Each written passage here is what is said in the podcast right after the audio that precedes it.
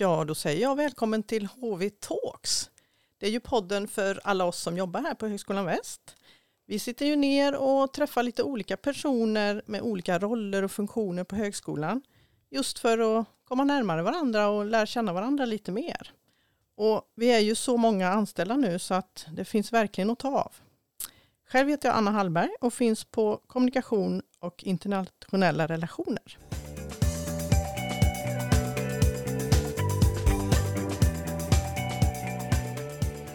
Ja, dagens gäst.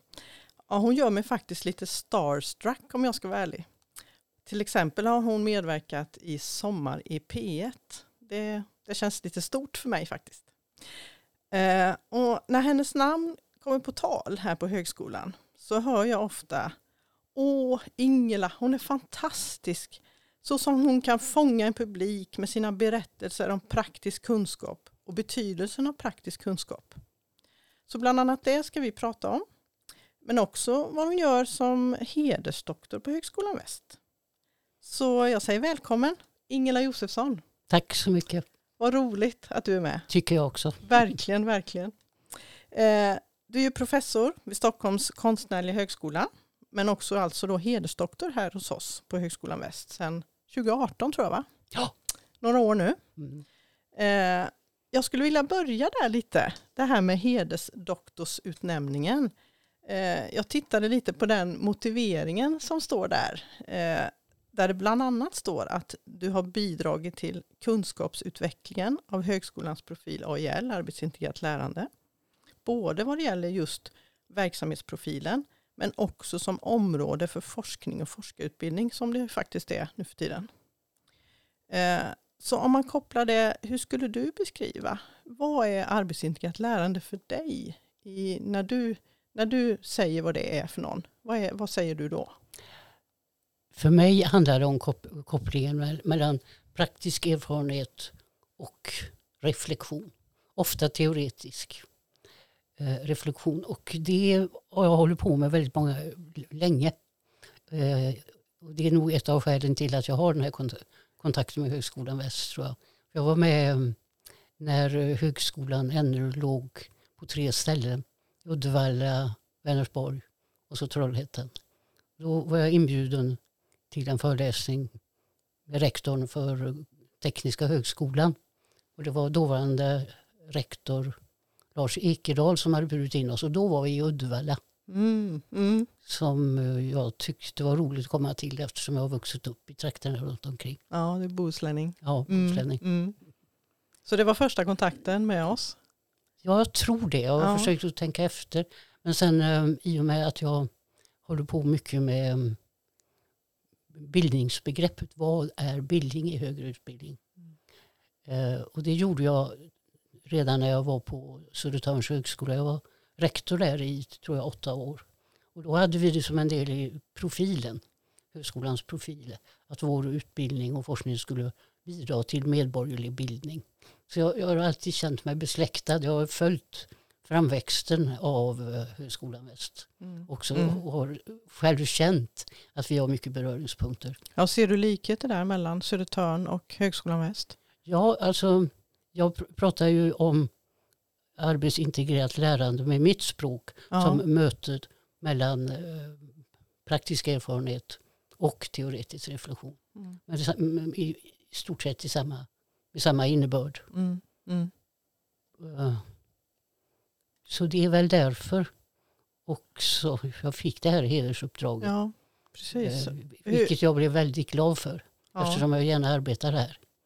Eh, och det gav mig förutsättningar för att skapa en utbildning för personalen här. Mm. Mm. I en kurs som vi kallar för praktisk kunskap. Ja.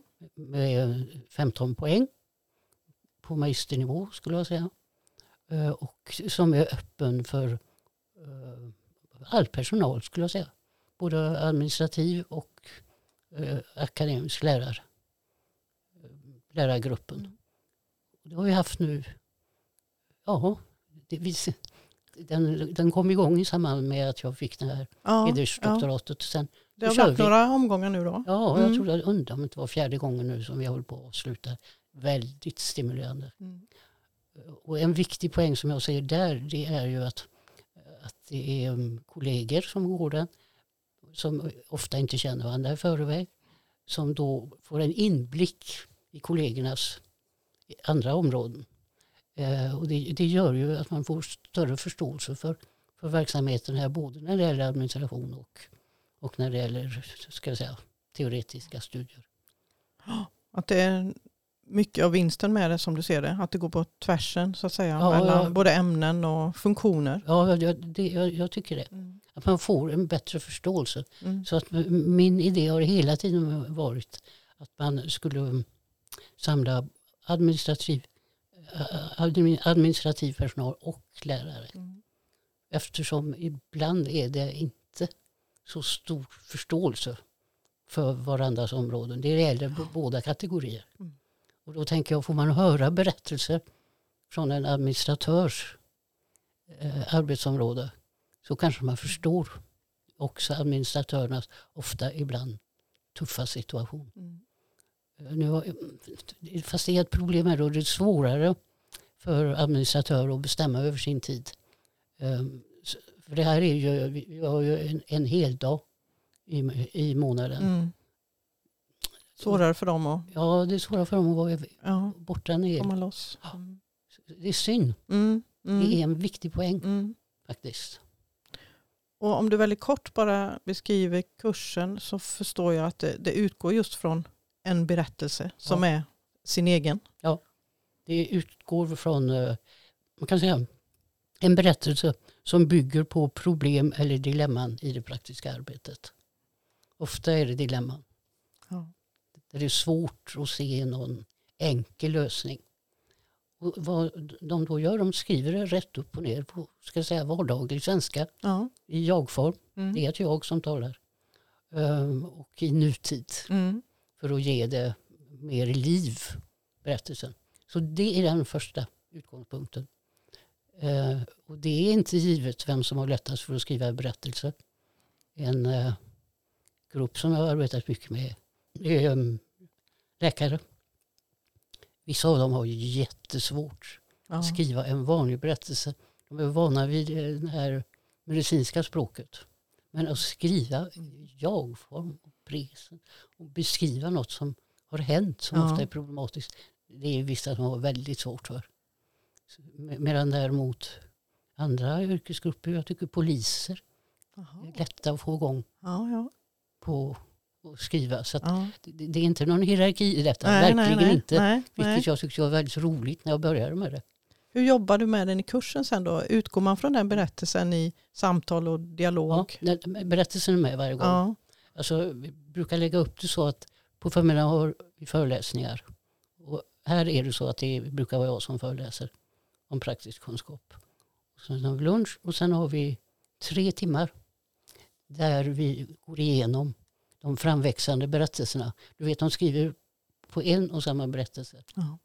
De får ändra sig om de vill, om de märker första gången att nej, jag kommer inte vidare på det här. Då får de byta ämne om de vill. Nästan aldrig någon som gör. Men sen skriver de och utvecklar den berättelsen. Det blir ett halvår. Mm. Mm. Så att det blir det är inte några snabba ryck Nej, nej. Det är eh. tid för tanke och reflektion. Ja, mm. det, det, är det. Men mm. det, det, blir alltid något i alla fall. Mm. Ja, jag vet att jag intervjuade några faktiskt som hade gått första kursen. Jaha. Och jag tror aldrig jag har hört så översvallande ord okay. om en kurs. Att det hade givit dem så väldigt mycket. Verkligen. Vad roligt. Ja. Jag hörde någon igår som hörde av sig som också hade gått kursen. Men jag har ju motsvarande kurs i Stockholm. Uh, och då sa hon att ja, det var märkligt som kurs betraktat. För annars man går från kursen så brukar det vara glömt tills man kommer igen nästa gång. Men här är det tvärtom. Mm. Här ja, är det så att när man åker hem så börjar man fundera över vad är det egentligen jag håller på med. Ja. Och vad är problemet där? Och hur ska jag lösa det här? Hur kommer jag vidare? Det tyckte jag var roligt. Ja. Ja, visst. Att det sätter spår. Ja, det är klart. Det är väl det man vill. Som ja. pedagog, tänker jag. Ja, jo. Och sen um, tycker jag det är roligt när folk skriver om sina egna erfarenheter. För poängen är ju också att vi andra som är med i den här kursen får en ganska bred inblick mm. i vilka olika typer av arbetsuppgifter som finns på Högskolan Väst. Det är Mm. roligt. Mm. Det är väldigt mångskiftande skulle jag säga. Ja. Men det är den stora delen du gör nu på Högskolan Väst, den kursen eller? Ja. Eh, Ja, jag gör ju lite av varje faktiskt. Mm. Mm. Eh, Jag har ju varit med på certifieringen. AIL-certifieringen. Ja, Mm. Och våra är- program. just det. Och sen är jag med i, eh, ja nu vet inte jag om det upphör, eh, när Lina, Lina upphör. Ja, just det. För jag har ju varit med i vetenskapliga rådet där. Mm. I vår forskningsmiljö. Ja. Lina. Mm. Ja. Så det är väl det. Ja. Det är inte lite. Jag är med också, har varit med och intervjuat vid anställningar. Mm. Mm. Vilket också är intressant. Mm. Så jag gör lite av Ja. varje. Ja, Vilket jag tycker är roligt. roligt. Ja, särskilt nu när jag kan komma hit. Ja, Det var ju inte lika Nej. roligt med Nej. pandemin. nej visst. Och göra alltihop på Zoom. Jag kände också att jag tappade kontakten med folk. Här. När man bara ser dem på Zoom så Ja. kommer man inte ihåg hur de ser ut. Det blir inte detsamma. Det gör Nej, det inte riktigt. det blir inte samma. Nej. Det fäster sig inte. Nej. Eh, Du är inne lite på det, men hur, hur kan man koppla ihop AIL med det som du har forskat om då kring praktisk kunskap? Tyst kunskap hette det. För ett antal år sedan kanske hörde man det begreppet lite mer. Eh, Hur, hur, kan, hur kopplar du ihop det här med det, dina kunskaper du har med dig in här? Alltså, jag är ju väldigt besläktad med AIL. Mm. Eh, Men vi, jag ser det här som jag gör, som bygger på de tidigare erfarenheter jag har haft av till exempel, eh, jag skapade ju ett centrum för praktisk kunskap på, på Södertörn när jag var ny där, som fortfarande finns, Ja. som också är rätt likartad. Men eh, jag ser det här som en variant Okej. på, på AIL. Mm. Alltså en, en annan, kanske annan typ av uppläggning som vi har i de här kurserna. Mm. Och man, och man kan ha på andra sätt när det gäller andra ämnen som bygger på AIL. Men jag tycker det, det, det är ett perspektiv som jag ser kan komma till nytta. Mm. Um, Men det är ju inte sanningen om AIL. Det är bara att man, man utifrån sina erfarenheter så lägger man upp det på olika sätt. Mm. Väldigt givande tycker jag att det är. Mm. Mm. Eh, mycket handlar ju på ett sätt om en sorts kunskapssyn som jag ser det. Att man värderar teoretisk och praktisk kunskap lika mycket till exempel. Eh, och du har pratat om att ofta har teoretiska kunskaper en högre status. Hur, hur tycker du att det står till idag eh, i, i svensk utbildnings, Tyvärr högre utbildning då kanske så. framför allt? Ja, jag tycker också det har varit trist. Man har diskuterat de här yrkesutbildningarna. Mm. Eh, Att det är understucket. I ganska tunga organ finns ett frakt för det man lär sig i yrkesutbildningarna. Det är, det är inte riktig kunskap på något sätt. Utan det är något provisorium. Så då kommer den här diskussionen upp igen. Då. Vad är det för poäng med att ha den här typen av utbildningar? Det är bristande respekt för kunskap tycker jag. Ja, ja, Och det finns fortfarande. det gör det. Ja, det, gör, det Det gäller ju också konstnärligt kunnande. Att det inte är riktigt, för många inte är det riktigt, riktig kunskap. Tror du AIL liksom kan bidra till att eh, utjämna det här på något sätt? Eller Ja, det tror jag. är det ett sätt? Ja, det är väl det enda sättet. Att man inte ger upp utan håller igång. Mm. Fortsätter envist att driva det perspektivet. I hopp, I hopp om att det ska breddas. Men det tar tid. Mm. Mm. Det är det man måste vara inställd på. Du pratar ju mycket om berättelser och du använder det mycket också när man lyssnar till dig. När du pratar om din forskning och det det handlar om så att säga. Eh, och den här kunskapssynen. Eh, jag skulle gärna vilja be dig ta någon berättelse som liksom gör det här tydligt. Eh, jag vet att du pratade om Försäkringskassan. Du gjorde en studie där. Eh, där du tittade på införandet av digitalisering till exempel. Jag kan ta Försäkringskassan. Ja, Det det, var- det var ett ganska tydligt exempel som Ja. jag tycker var bra.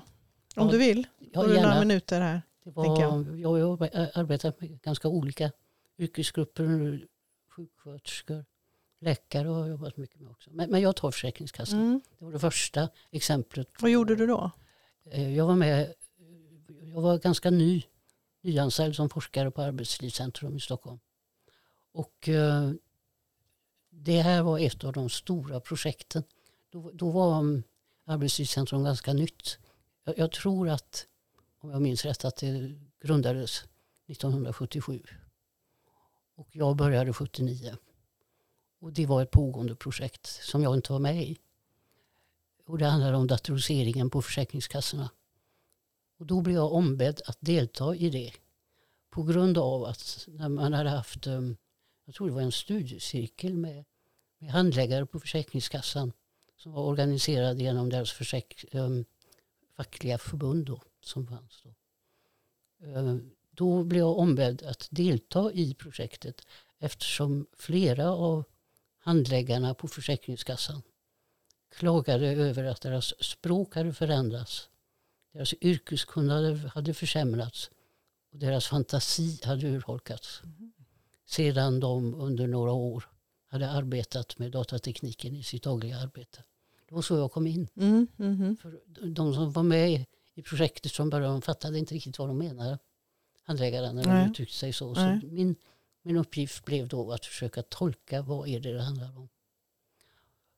Och då, ja, det är ju samma frågor kring artificiell intelligens Idag, idag ja. Mm. Mm. som det var, även om det var annan teknik, på den här tiden. Då. Det var, jag höll på med det här i början av 80-talet.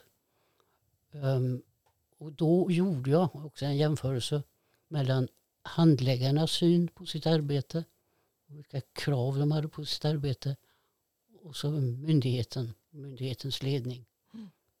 Och deras syn på vad datoriseringen skulle bidra till Mm. som effektivare arbete. Pappersflödet skulle minska och så vidare. Mm. handlade det om. Så då jämförde jag de här två. Deras olika syn på arbetssituationen och på hur man skulle använda tekniken. Och den var ju diametralt motsatta varandra. Kan du tänka dig. Ja. Men då förstod jag också att vad myndigheten la för innebörd i um, yrkeskunnande. Ja. För det var i och med Försäkringskassan som jag blev intresserad av begreppet yrkeskunnande och det har jag hållit på med sedan dess. De ansåg att regelkunskapen som är grunden i det här arbetet som handläggare på Försäkringskassan, hur man tillämpar reglerna, föräldrapenning, förtidspension och alltihop det där. Mm. Och då upptäckte jag att myndigheterna ansåg att det var själva regelkunskapen som var deras yrkeskunnande. Punkt slut. Och eftersom det är formulerat i entydiga regler så ansåg man att man kan lägga över deras yrkeskunnande på maskinen. Ja, ja. Inte mer än så. Medan när jag pratade med handläggarna så sa de att den absolut viktigaste delen i vårt yrkeskunnande är att kunna förklara en bedömning av ett ärende för en försäkrad så att hon känner sig rättvist bedömd. Och det kräver kunskap, men inte bara det, det kräver tid. Mm. Och det kräver en kunskap som gör en lyhörd för vad det är för problem som kanske döljer sig när man får en berättelse från en försäkrad. Döljer sig i den meningen att den inte är uttalad. Mm. Märker man det, känner man det och har omdöme nog att ingripa så är det ju en fullkomligt central del av yrkeskunnandet. Mm. Så det var de här två olika bilderna som gjorde mig ännu mer intresserad av studera mötet mellan olika kunskapsformer. ja. För det krävde ju mycket människokännedom. Och de här handläggarna kunna känna att nej, här är det något som jag inte har kommit åt. Och det var inte helt lätt att beskriva då antar jag för dem. Nej, Hur de gjorde den här bedömningen nej, det var det antar jag. Nej. Och det var ju genom det som vi började använda begreppet tysk kunskap. Mm. För de kunde inte beskriva allt det de kunde. De kunde göra det, men de kunde inte beskriva hur de gjorde. In, till dels naturligtvis, men det fanns en gräns där. Där det inte gick att formulera med språket. Som, eh, Och då, då traditionellt sett så fanns inte den kunskapen då så att säga. nej, nej, Nej, inte som för att den inte gick att såg det. beskriva. Ja, det, det gick inte. Det Nej. gick inte att fånga i regler. Och då ville man ju gärna, många se dem som okunniga. Och då blev vi intresserade av Ja, det förstår jag. gränserna för det som, dig. det, som- går att formulera. Mm. Verkligen. Jag tänker nu att vi bara skulle gå tillbaka lite till eh, din uppväxt i Bohuslän. Som du vurmar mycket för. Jag känner att du, du är glad i Bohuslän. Och hur det har påverkat. Du, du berättade för mig eh, om din mamma till exempel. Som inte fick möjlighet att gå så jättemånga år i skolan. Och hon uttryckte någon form av saknad över det. Och att det inte blev mer än så på något sätt. Eh, hur, hur tror du det har präglat dig och synen på utbildning, bildning och fick du med dig någonting där som har gjort att du har eh, liksom hamnat där du har hamnat tror du? Ja, det tror jag. Ehm, jag är ju uppvuxen på Skafte. Gick i byskolan i Fiserbäckskil. Och är eh, prästbarn Mm, mm. på Skafte. Mm. Och eh, det, vi, jag, har, jag hade eh, tre systrar, så jag har fyra döttrar. Ja. Men vi var ju inte gamla för vi förstod hur orättvist det var att vår mamma inte hade haft möjlighet att att gå en högre utbildning. Jag tror hon hade, jag minns inte riktigt, sex eller sju år. Ja, Jag tror snarare det är sex Mm, folkskola. mm. Absolut inte mer. Nej. Eftersom hon blev föräldralös när hon var 12. Ja. Det var inte, det var inte tal om saken. Nej. Eh, och det där hade vi med oss. Hon pratade inte så gärna om det. Men vi fattade ju att det här var för en sån klok och begåvad person som hon faktiskt var. Så var det ju en tragedi att ställas utanför den kunskapen som hon hade ju Mm. kunnat ja, åtnjuta Mm. på ett oerhört fruktbart sätt. Alltså. Uppmuntrar hon er att? Ja, det gjorde hon indirekt Ja. också. Ja. I och med att vi tyckte det var från ganska tidig ålder att det var väldigt tragiskt att hon inte hade haft tillgång till det. Mm. Ni såg det tidigt? Ja, vi såg det väldigt tidigt. Och det gjorde ju att föräldrarna var ju också, ja inte minst hon, Mm. peppade ju på att vi skulle få utbildning. Så att vi åkte ju båt till Lysekil varje dag under, det var radskola först, Ja. varje dag med båten. Och eh, Gillade du skolan? ja, det gjorde jag. Ja. Gymnasiet tyckte jag blev lite lång, långrandigt för då vill man bara iväg Ja. och komma vidare på något sätt. Mm. Mm. Men jag gillade att gå i skolan. Mm. Um, men, men det var ja, det var det exemplet som gjorde att vi alla fyra fick en ordentlig utbildning. Och det var stora uppoffringar. Det var ju inte några go- goda villkor för en Nej. stor pressfamilj. Vet du. Att alla skulle, skulle få högre utbildning. Så vi tog studenten allihop och så. Mm. Det, det Mm. var ju inte allom givet. Nej. Nej. Men det, det tyckte de var värt i alla fall. Ja. Så de var klara över det. Mm. Ja. Hur, hur, hur tyckte du det var sen när du kom upp på universitetsnivå? Gillade du det? Det tyckte jag var tråkigt. Tyvärr. Då svängde det alltså Ja. lite? Ja, jag trodde det skulle bli jättekul. Ja. Men det var, Vad var det som var tråkigt? ja, det var framförallt språkvetenskapen då som, jag, som Du, jag ändå har som- fastnat i. Ja. Det är det roliga. Ja. Nu tycker jag det är jätteroligt. Men det var så abstrakt. Det var bara abstrakta teorier. Det fanns ingen koppling till verkligheten. Jag trivdes inte med det. Så det var ju underbart att komma till Arbetslivscentrum där som befolkades av vanligt folk. Ja. ja. Som, som i Försäkringskassan och eh, en helt annan, det var vanliga människor. Du har kallat det akademiskt torrsim vet jag. Ja, jag, jag tyckte att det var det på universitetet. Ja. Att det var akademiskt torrsym. Så att um, jag var ändå, jag doktorerade ju i alla fall, jag pressade mig till det. Ja. Mm. Ja. Fast jag inte tyckte det var så kul, så gjorde jag det. Och sen, det, det öppnade ju möjligheter. ja. Det har varit desto roligare därefter sen då. Ja, sen blev det bra. Jag var med i ett eh, projekt om humanistiska kunskapstraditioner i Sverige i Göteborg efter att jag hade doktorerat. Eh, och det var jag med i, i ett par år och det var väldigt roligt. Jag tittade på synen Ja. på kunskap i olika ämnen. Eh, två år och sen kom jag till Stockholm. Ja. Till Arbetslivscentrum. Sen har det bara varit kul. Ja. Det har varit mycket arbetslivsfokus då. Ja, Och yrkeskunnande som du var inne på ja, förut. ja. Mm. Och det, var Mm, det, är det, är det den röda tråden liksom? Ja, det, men just det. Men, Mm. men du vet, jag eh, håller mig, sätter mig ju in i Mm. tänkare som på något sätt drar åt det hållet. Jag ska inte ha namedropping här nu men, men jag, jag plockar ju det och sätter mig in Mm. i, Mm. i det tänkandet som handlar om mötet mellan olika kunskapsformer. Mellan praktik och teori och det släpper jag inte. Nej. Nej. Du utgår ju mycket från många gamla greker Ja, till exempel. ja Mm, vet jag ju. det gör jag. Ja, det är, det är något som... Och på senare år har jag hållit på mycket med Hanna Arendt. Ja.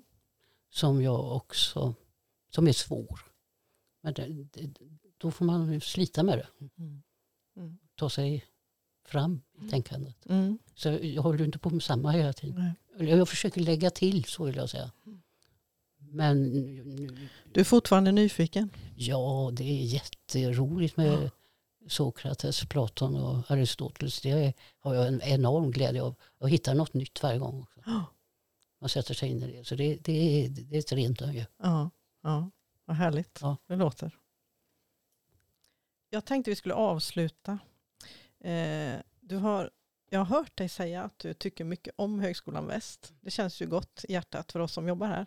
Vad är, vad är det som du tycker om? Vad är det som du tycker utmärker högskolan? Ja, nu gillar jag ju inriktningen här väldigt mycket. Fr- Från början kan Mm. jag säga. Mm. En- Och du hade ögonen på högskolan Ja, tidigt redan- sa du ju ja, förut. Ja, redan när det Mm. var, det var på gång. Ja, Eh, Men jag tycker om atmosfären. Jag tycker väldigt mycket om de, eh, den personal jag har träffat. ja, Det är vänligt och välkomnande. Och hög nivå mm. tycker jag. Mm. På både undervisningen och på och mycket intressant forskning också. Sen gillar jag naturligtvis det här, det som jag kallar för mångvetenskapligheten, alltså det gränsöverskridande. Men framförallt det som jag känner varje gång jag kommer, det är en väldigt bra stämning här. Jag tycker, jag vet inte vilken Nästan så det går att ta på den alltså. Ja, jag tycker eh, det är roligt att komma hit. Mm. Mm. Men sen kan jag ju förstå om det, här, det finns naturligtvis konflikter här som på andra ställen också. Men det kommer ju inte jag i kontakt med. Nej. Jag ser ju bara de positiva delarna när jag kommer. Mm. Men det är absolut roligare att komma hit än att sitta på Zoom. Det tycker jag inte var lika roligt. Nej, Nej. nej du. jag håller med dig. Ja, Och få mötas i samma rum. ja, det Ja. blir ju ett helt annat samtal. Ja, ja visst. Men man får vara glad att det fanns. Vi, fick, Ja. vi genomförde ju kurserna i alla fall. Mm. Även om jag ju inte var... Det var inte lika lustbetonat som det som nu när jag är här. Nej. Ja, sen gillar jag ju naturligtvis området här över Bohuslän, naturen. Jag har ett, ett ställe på Lavön och Orust Ja. som jag tycker väldigt mycket om. Hur of- är du ofta där? Ja, inte nu med, Zoom, inte nu med Nej. pandemin. Nej. Men annars så när jag, när jag var färdig här på fredag eftermiddag så tog jag ju bussen ut Mm. ö, över Över helgen? ö, Uddevalla Mm. och Henåna, ja, ända fram till Mm. huset faktiskt. Ja. Gammalt hus från 30-talet. Och sen åkte jag hem igen på söndag. Men det, under pandemin vågade jag inte. Nej. Faktiskt. Nej. Nej. Inte att sitta i buss. Vet du, då, Då hoppas vi att det blir jag mer av det nu då. ja, Framöver. Även om vi hoppas går jag mot höst så kanske. jo, nej men det stör mig inte så. Nej. Det kan vara härliga helger Ja. i höst. Ja, det var en helg som var lite Skrud. Mm. olycksalig när jag inte fick ljus på min ficklampa och gick ner i ett vattenfyllt dike Åh, på vägen upp huset. Det var lite avskräckande. kan ja det säga. förstår jag. Men man får ju enorma krafter när det är när det osar katt. Ja, ja, Men annars så, är Allt väl uppe bra. i huset så är det bra. ja. Härligt Ingela. Jag tror vi avrundar där. Stort, stort tack för att du ville ta dig tid och allt gott. Ja. Så Tack. ses vi här i korridoren säkert. Det var roligt att vara med. Tack ska du ha. Tack.